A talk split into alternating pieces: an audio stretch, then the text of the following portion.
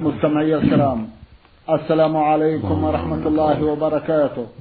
وأسعد الله أوقاتكم بكل خير. هذه حلقة جديدة مع رسائلكم في برنامج نور على الدرب. رسائلكم في هذه الحلقة نعرضها على سماحة الشيخ عبد العزيز ابن عبد الله بن باز الرئيس العام لإدارات البحوث العلمية والإفتاء والدعوة والإرشاد. مع مطلع هذه الحلقة نرحب بسماحة الشيخ. ونشكر له تفضله بإجابة الإخوة المستمعين. فأهلا وسهلا بالشيخ عبد العزيز. حياكم الله وبارك فيك حياكم أولى رسائل هذه الحلقة رسالة وصلت إلى البرنامج من أحد الإخوة المستمعين. يقول المرسل الصبار محمد السيد. أخونا يسأل سماحتكم لو تكرمتم شيخ عبد العزيز عن صلاة التهجد. متى تكون؟ وهل هي في أول الليل أو في آخره؟ وما الحكم ما إذا قرأ فيها الإنسان بسورة ياسين أو تبارك من المصحف الشريف حتى لا يخطئ في القراءة؟ جزاكم الله خيرا. بسم الله, الرحمن الرحيم. الحمد لله وصلى الله وسلم على رسول الله وعلى آله وأصحابه ومن اهتدى بهداه. أما بعد فالتهجد يبدأ من بعد صلاة العشاء إلى آخر الليل كله تهجد والأفضل آخر الليل لمن تيسر له ذلك. يقول النبي صلى الله عليه وسلم من خاف أن لا يقوم من آخر الليل فليوتر أوله. ومن طمع أن يقوم آخر الليل فليوتر آخر الليل. فإن صلاة آخر آخر الليل مشهودة وذلك أفضل رواه مسلم في الصحيح. ولقوله صلى الله عليه وسلم صلاة داود كان ينام نصف الليل ويقوم ثلثه وينام سدسه. قال وهي أفضل الصلاة. وقوله وقال عليه الصلاة والسلام ينزل ربنا. ينزل ربنا إلى سماء الدنيا كل ليلة حين يقال ثلث الليل الآخر. فيقول من يدعوني فأستجيب له. من يسألني فأعطيه. من يستغفرني فأغفر له حتى ينفجر الفجر. متفق على صحته. هذا يدل على شرعية القيام آخر الليل وأنه أفضل. وأنه مظنة الاستجابة. يقول رب جل من يدعوني فأستجيب له. وهكذا جو الليل صلاة داود السدس الرابع والخامس كلها مظنة إجابة. وكلها محل فضل للصلاة والتهجد وذلك أفضل من أول الليل. لكن من كان يخشى أن لا يقوم من آخر الليل فإنه يشرع له الإيتار في أول الليل بعد صلاة العشاء قبل أن ينام.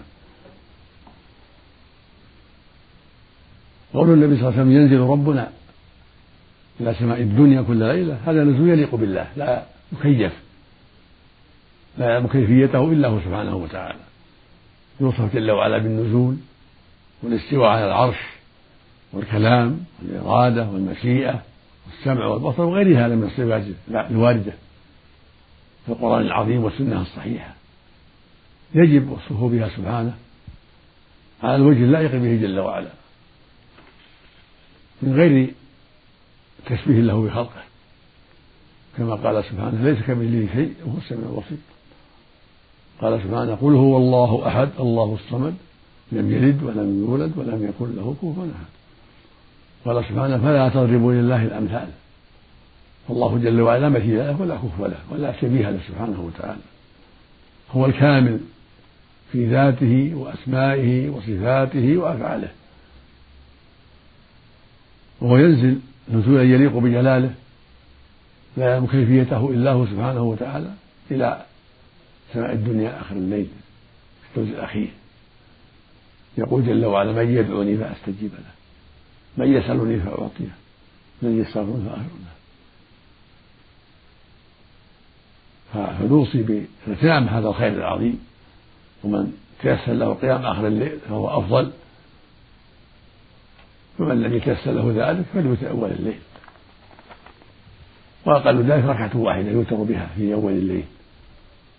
أو في اخره وكل ما زاد فهو أفضل. يسلم من كل ثنتين. لقول النبي صلى الله عليه وسلم صلاة الليل مثنى مثنى. يعني ثنتين ثنتين. فإذا خشي أحدهم الصبح صلى ركعة واحدة توتر له ما قد صلى. يعني المتهجد بالليل يصلي ثنتين يسلم مثل ثنتين. ثم يوتر بواحدة. يقرأ فيها الحمد ويقول هو الله أحد. هذا هو السنة. وأفضل ذلك إحدى عشرة أو ثلاثة عشرة. لأن هذا هو وتر النبي صلى الله عليه وسلم في الغالب. كان وتره في الغالب إحدى عشرة أو ثلاثة عشرة عليه الصلاة والسلام. اللهم ومن زاد وأوتر بأكثر من هذا فلا بأس. له حد محدود. ولو أوتر بخمسين أو ستين أو مئة ركعة يسلم كل من كل ثنتين فلا بأس. ويوتر بواحدة لكن كونه يوتر بإحدى عشرة أو ثلاثة عشرة هذا هو الأفضل وإن أوتر بثلاث أو بخمس أو بسبع أو بتسع كله طيب. لكن السنة يسلم كل ثنتين فإن سرد ثلاثة وأوتر بها أو خمسا وأوتر بها سردا لم يجلس فيها إلا في الآخر فلا بأس. قد ثبت هذا عن النبي صلى الله عليه وسلم في بعض الأحيان عليه الصلاة والسلام. وهكذا لو سرد سبعا لم يجلس إلا في آخرها فلا بأس.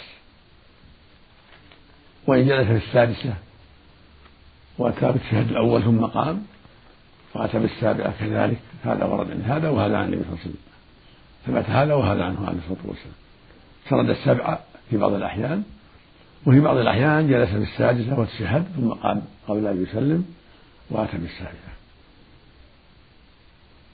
وهكذا سرد تسعا جلس في الثامنة الشهاد الأول شهد الشهاد الأول ثم قام وأتى بالتاسعة. ولكن الأفضل هو ما كان يغلب عليه عليه الصلاة والسلام وهو أنه يسلم كل ثنتين هذا هو الأفضل. وهو موافق لقوله صلى الله عليه وسلم صلاة الليل مثنى مثنى. يعني ثنتين ثنتين يسلم بكل ثنتين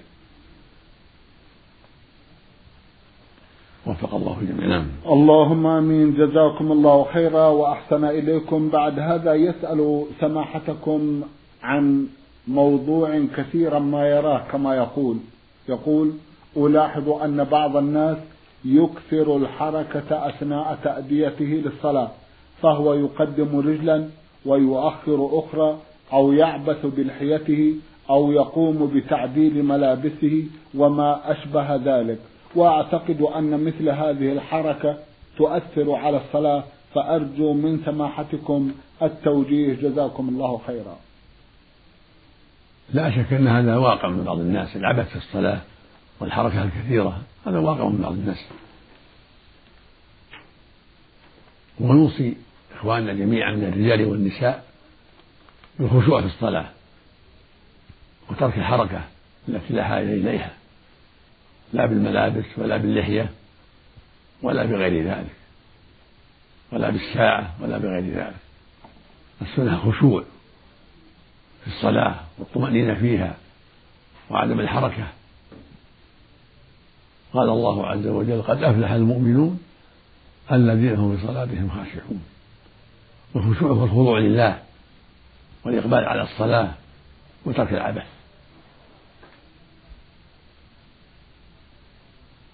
لكن إذا دعت الحاجة إلى أن يتقدم في الصف الذي قدامه في الفرجة فلا بأس أو دعت الحاجة أن يعدل عمامته عطرته إذا خاف أن تسقط.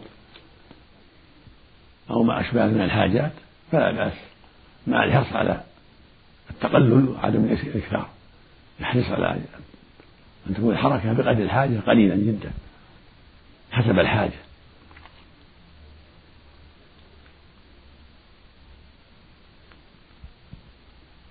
وصلى النبي صلى الله عليه وسلم في بعض الأيام يحمل أمامة بنت زينب ابنة بنته فإذا سجد وضعها وإذا قام حملها. وصلى مرة على المنبر فلما فرغ من الركوع اعتدل نزل وسجد أسفل المنبر للتعليم لتعليم الناس وتوجيههم ليعلموا أن مثل هذا جائز. وفي صلاة الكسوف عرضت عليه الجنة فتقدم. ليتناول منها عنقودا فلم يتيسر له ذلك. وعرضت عليه عرضت عليه النار وهو في الكسوف. فتأخر وتأخرت الصفوف. فإذا دعت حاجة إلى شيء من هذا فلا بأس. وإلا فالواجب الطمأنينة.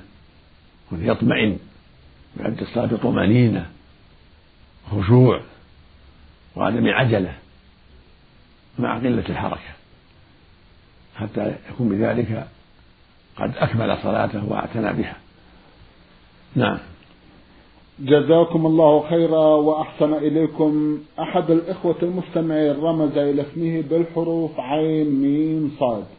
أخونا يسأل سماحتكم عن مصافحة النساء وزيارتهن في المستشفيات ولا سيما إذا كن من غير المحارم إنما هن من القرابة. ما حكم ذلك؟ جزاكم الله خيرا. أما زيارتهن في المستشفى أو في غير المستشفى على وجه صلة الرحم غير خلوة ولا تهمة ولا ريبة فلا بأس. مع محرمها أو بحضرة نساء كأمها وأخواتها المقصود على وجه ليس فيه ريبة ولا خلوة. فلا بأس. أما المصافحة فلا. ليس للرجل يصافح المرأة. إلا إذا كانت من من ذوات المحارم كالأخت والخالة والأم ونحو ذلك. أما الأجنبية ولو ولو كانت بنت عمة أو بنت خالة أو خالته ليس له أن يصافحها لأن بنت العم أجنبية. بنت الخال أجنبية بنت الخالة أجنبية يجوز لها يتزوجها المقصود أن المصافحة لغير المحرم لا تجوز.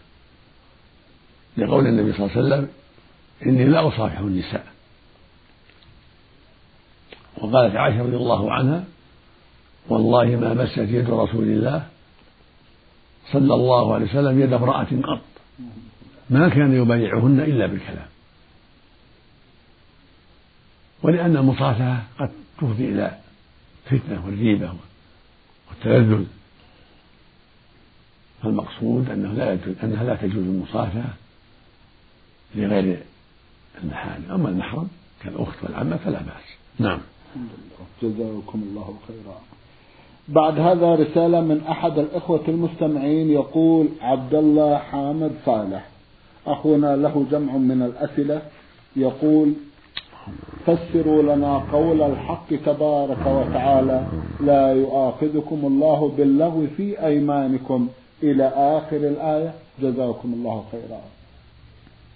يقول سبحانه في سورة المائدة لا يؤاخذكم الله باللغو في أيمانكم ولكن يؤاخذكم بما عقدتم الأيمان فكفارته إطعام عشرة مساكين من أوسط ما تطعمون أهليكم أو كسوتهم أو تحرير رقبة فمن لم يجد فصيام ثلاثة أيام. ذلك كفارة أيمانكم إذا حلفتم واحفظوا أيمانكم. الآية ويقول سبحانه في سورة البقرة لا يؤاخذكم الله باللغو في أيمانكم ولكن يؤاخذكم بما كسبت قلوبكم. والله غفور عليم والمعنى أن الأيمان التي تمر على الإنسان من غير قصد لا يؤاخذ بها ولا كفارة بها. تجري على لسانه من دون قصد لعقدها في عرض كلامه. والله ما صار كذا والله صار كذا. يتحدث من غير قصد اليمين. هذا هو اللغو في اليمين كما قالت عائشة وجماعة من السلف. لغو اليمين أن يقول الرجل لا والله ولا والله في عرض كلامه.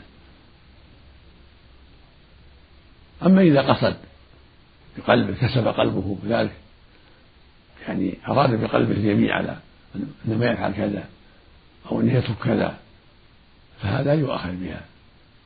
إذا أخل بها عليه كفارة لأن الله قال ولكن يؤاخذكم بما كسبت قلوبكم. في المائدة بما عقدتم الأيمان. يعني بما قصدتم من عقدها. وأردتم ذلك. فإذا قال والله لا أكلم فلان قاصدا. فإذا كلم فعليه كفارة اليمين. إطعام عشرة مساكين أو كسوتهم أو عتق رقبة فإن عجز ولم يستطع صام ثلاثة أيام. أو قال والله ما أزور فلان ثم زاره. عليه كفارة اليمين. أو قال لزوجته والله ما تكلمي فلان أو والله ما تخرجي من البيت اليوم أو هذه الليلة أو أبدا أو ما أشبه ذلك. إذا خرجت عليه كفارة اليمين.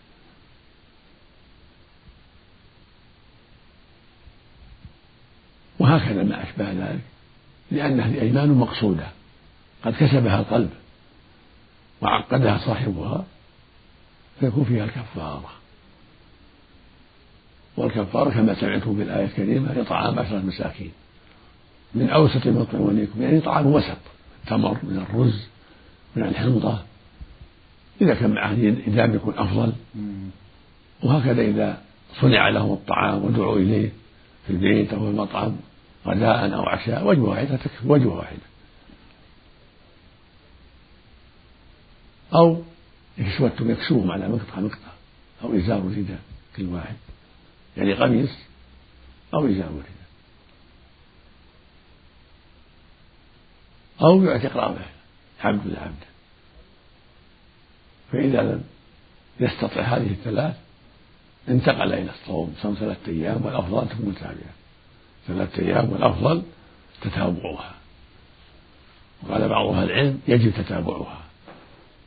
فالأفضل للمؤمن أن يتابعها هذه الثلاثة عند العجز عن الإطعام والكسوة والعتق نعم. جزاكم الله خيرا وأحسن إليكم. يسأل سؤالا آخر فيقول رجل اعتاد الحلف بالحرام فهو يقول دائما علي الحرام لأفعل كذا ولا أفعل كذا وما أشبه ذلك. هل يؤثر هذا على النكاح؟ هذا حكم حكم اليمين. إذا قال علي الحرام ما أكلف فلان علي الحرام ما أكل كذا علي الحرام ما أسافر وما أشبه ذلك هذا حكم حكم اليمين. في كفارة اليمين. في قول الله عز وجل يا أيها النبي لم تحرم ما الله تبتغي مرضات أزواجه والله غفور رحيم. قد فرض الله لكم تحلة أيمانكم. نزلت في تحريمه العسل وفي قول آخر أنه تحريما لمالية مملوكة له بسبب ما جرى بين أزواجه. في ذلك حفصة وعائشة وزينب شأن العسل أو شأن الجارية. حلف وحرم أن لا يقربها أو حرم أن لا يأكل العسل فأنزل الله الآية المذكورة وهي قوله سبحانه يا أيها النبي لما تحرم الله تبتغي مرضات أزواجك؟ والله غفور رحيم. قد فرض الله لكم تحلة أيمانكم. قال ابن عباس معنى ذلك أن في الحرام أن هي بكفارة اليمين. هكذا قال جمع من أهل العلم إلا إذا قصد تحريم زوجته إذا قصد إذا صار في نيته أن الحرام من زوجته. فهذا في كفارة الظهار المذكورة في سورة المجادلة وهي عتق رغبة مؤمنة فإن عجز صام شهرين متابعين فإن عجز أطعم ستين مسكينا ثلاثين صاعا قبل أن يقربها قبل أن يمسها. كل صاع يقسم بين اثنين. كل واحد نصف الصاع كيلو ونصف كل واحد. من التمر أو من الحنطة ستين مسكين يعطى كل واحد كيلو ونصف. تسعين كيلو. ثلاثين صاع. قبل أن يمسها. أما إذا كان ما قصد الزوجة. جرى على لسانه هكذا. أو قصد الامتناع من هذا الشيء ولم يقصد الزوجة. فهذا في كفارة اليمين. كما تقدم. نعم. جزاكم الله خيرا وأحسن إليكم إذا كنت في صلاة الظهر. وبعد إتمام الصلاة وأنا في الجلوس الأخير أي في التشهد الأخير شككت هل جلست للتشهد الأول أو لم أجلس؟ فماذا أفعل في مثل هذه الحال؟ جزاكم الله خيرا. الأصل السلامة. تكمل التشهد وتسلم الحمد لله. ما عليك شيء. لأن الأصل أنك أديت. فالشك لا أثر في هذا. لأنه قد مضى. نعم. جزاكم الله خيرا. من نسي الركوع فماذا يفعل؟ ولا سيما إذا ذكر قبل أن يسجد.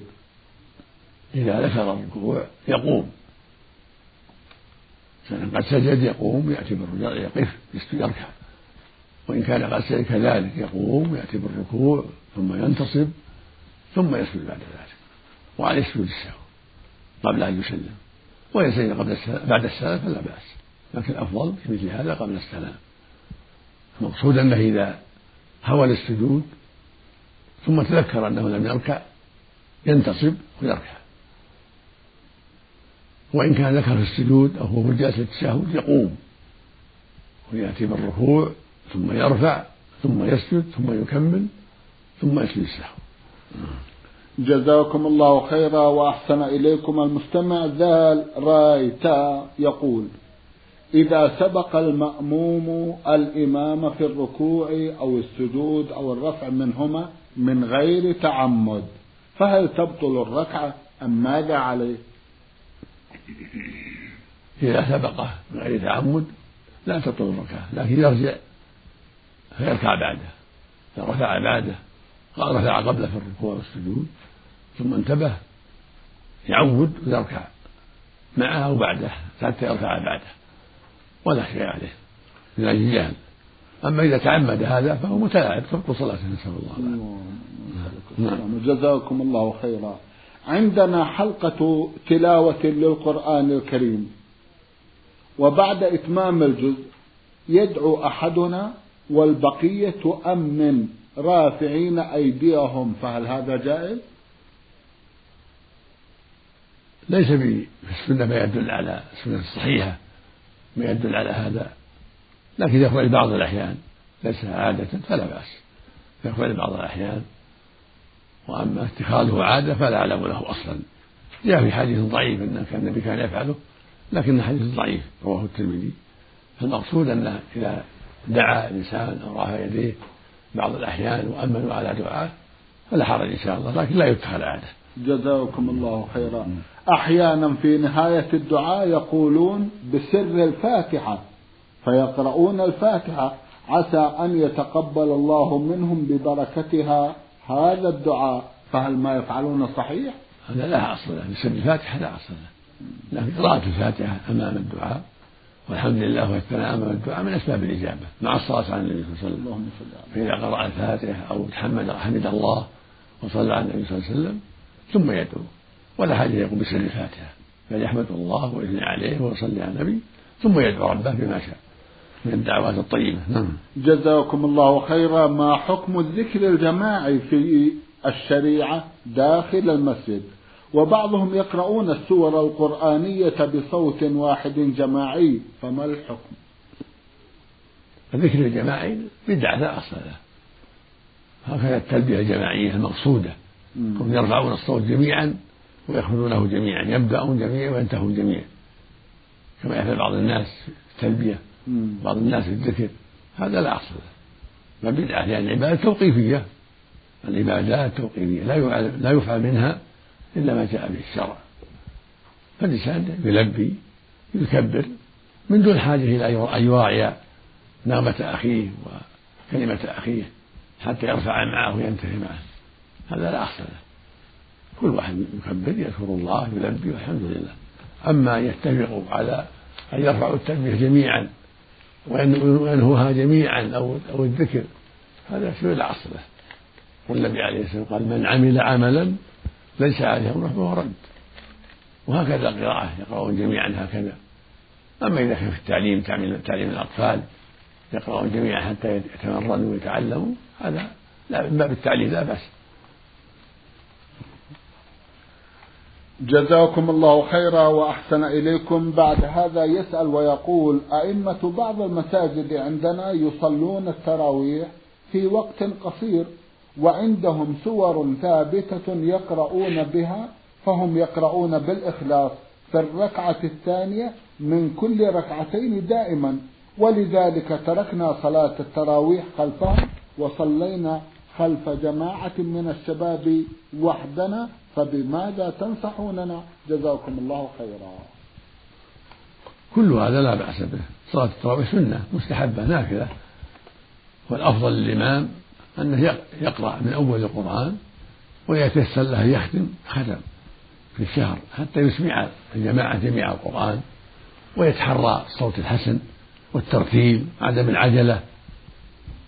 ولا يقتصر على السور القصيرة بل يقرأ من المصحف من أول القرآن إلى آخره حتى يسمعهم. كلام ربهم عز وجل وحتى لا يملوا. أما اقتصار على السور القصيرة دائما فهذا تركه أولى إذا استطاع أن يقرأ. أما إذا كانوا عامة لا يستطيعون فاتقوا الله ما استطعتم يقرؤون ما تيسر. ولو بالسور القصيرة والحمد لله. لكن إذا تيسر أن يقرأ القرآن كله أو ما تيسر منه يبدأ من الفاتحة من البقرة حتى ينهيه ويختم في العشر الأخيرة أو في آخرها هذا يكون أفضل حتى يسمع الجماعة جميع القرآن. ولو من المصحف لا حرج فيه. والحمد لله. نعم. جزاكم الله خيرا وأحسن إليكم. من اليمن المستمع فاعين جيم يقول أسأل سماحتكم عن حكم من تحلق رأسها تشبها بالرجال. هل هذا جائز أو لا؟ لا يجب حلق الرأس للمرأة يجب. أن تبقي الرأس لأن جمال لها وزينة لها وفرق بينها وبين الرجال. فليس لها حلقه حتى في الحج إنما تقصر في الحج وفي العمر كذلك. يقول النبي صلى الله عليه وسلم ليس على النساء حلق وإنما يقصرن فالرأس لهن جمال فليس لهن حلقه. إلا إذا كان علة مرض فأطباء يزال للمرض هذا شيء آخر للعلة وإلا فليس لهن حلقه تساهلا أو تقليدا لكفرة أو لغيرهم لا. بل الواجب تربيته والعناية به لما فيه من الجمال لكن إذا خففت منه وصرت منه فلا بأس لطوله أو لكثافته نعم. جزاكم الله خيرا وأحسن إليكم. يسأل سؤال يقول فيه ما حكم من يزوج ابنته؟ لشاب لا يصلي لا في البيت ولا في المسجد بحكم القرابة. جزاكم الله خيرا. ليس لأحد أن يزوج شخصا لا يصلي سواء كان شابا أو شيخا وسواء كان قريبا أو بعيدا. هذا منكر هذا ظلم للمرأة وخيانة ولا يجوز لها أن ترضى بذلك أيضا هي ليس لولي ولا لها. ليس لهم جميعا. تزويج المرأة المسلمة المصلية لشخص لا يصلي. لأن ترك الصلاة كفر. كفر أكبر على أصح أقوال العلماء وإن لم يجعل وجوبها. لقول النبي صلى الله عليه وسلم بين الرجل وبين الكفر والشرك ترك الصلاة. ولقوله صلى الله عليه وسلم العهد الذي بيننا وبينهم الصلاة فمن تركها فقد كفر. فترك الصلاة منكر عظيم وكفر ظاهر. فلا يجوز للمرأة أن تنكح كافرا بترك الصلاة أو بغير ذلك. المسلمة لا تنكح الكافر. يقول الله عز وجل لا هن حل له ولا هم يحلون لهن ويقول جل وعلا ولا تنكحوا المشركين حتى يؤمنوا. ولا عبد مؤمن خير من مشرك ولو أعجبكم. فليس لوليها يزوجها إلا بمسلم إذا كانت تصلي. أما إذا كانت لا تصلي وتزوجها مثلها من لا يصلي صح. وعليهم التوبة جميعا والرجوع إلى الله والقيام بالصلاة. جزاكم الله خيرا. هذا هو الواجب على الجميع وعلى الأولياء أن يعتنوا بهذا الأمر. وهكذا من اشتهر بشرب الخمر أو معاصي أخرى ينبغي لوليها أن يصونها عنه. لأنه قد يضرها قد يدعوها إلى هذا المنكر. فالولي يختار لها الرجل الصالح الطيب حسب الطاقة حسب الإمكان. وأما تارك الصلاة فلا يجوز أبدا تزويجه يعني تركها كفر نسأل الله العافية. نعم. جزاكم الله خيرا وأحسن إليكم سماحة الشيخ في ختام هذا اللقاء. أتوجه لكم بالشكر الجزيل بعد شكر الله سبحانه وتعالى. على تفضلكم بإجابة الإخوة المستمعين. وآمل أن يتجدد اللقاء وأنتم على خير. نرجو ذلك. مستمعي الكرام كان لقاؤنا في هذه الحلقة مع سماحة الشيخ عبد العزيز ابن عبد الله بن باز الرئيس العام لإدارات البحوث العلمية والإفتاء والدعوة والإرشاد. شكرا لسماحة الشيخ. وأنتم يا مستمعي الكرام شكرا لحسن متابعتكم. وإلى الملتقى. وسلام الله عليكم ورحمته وبركاته.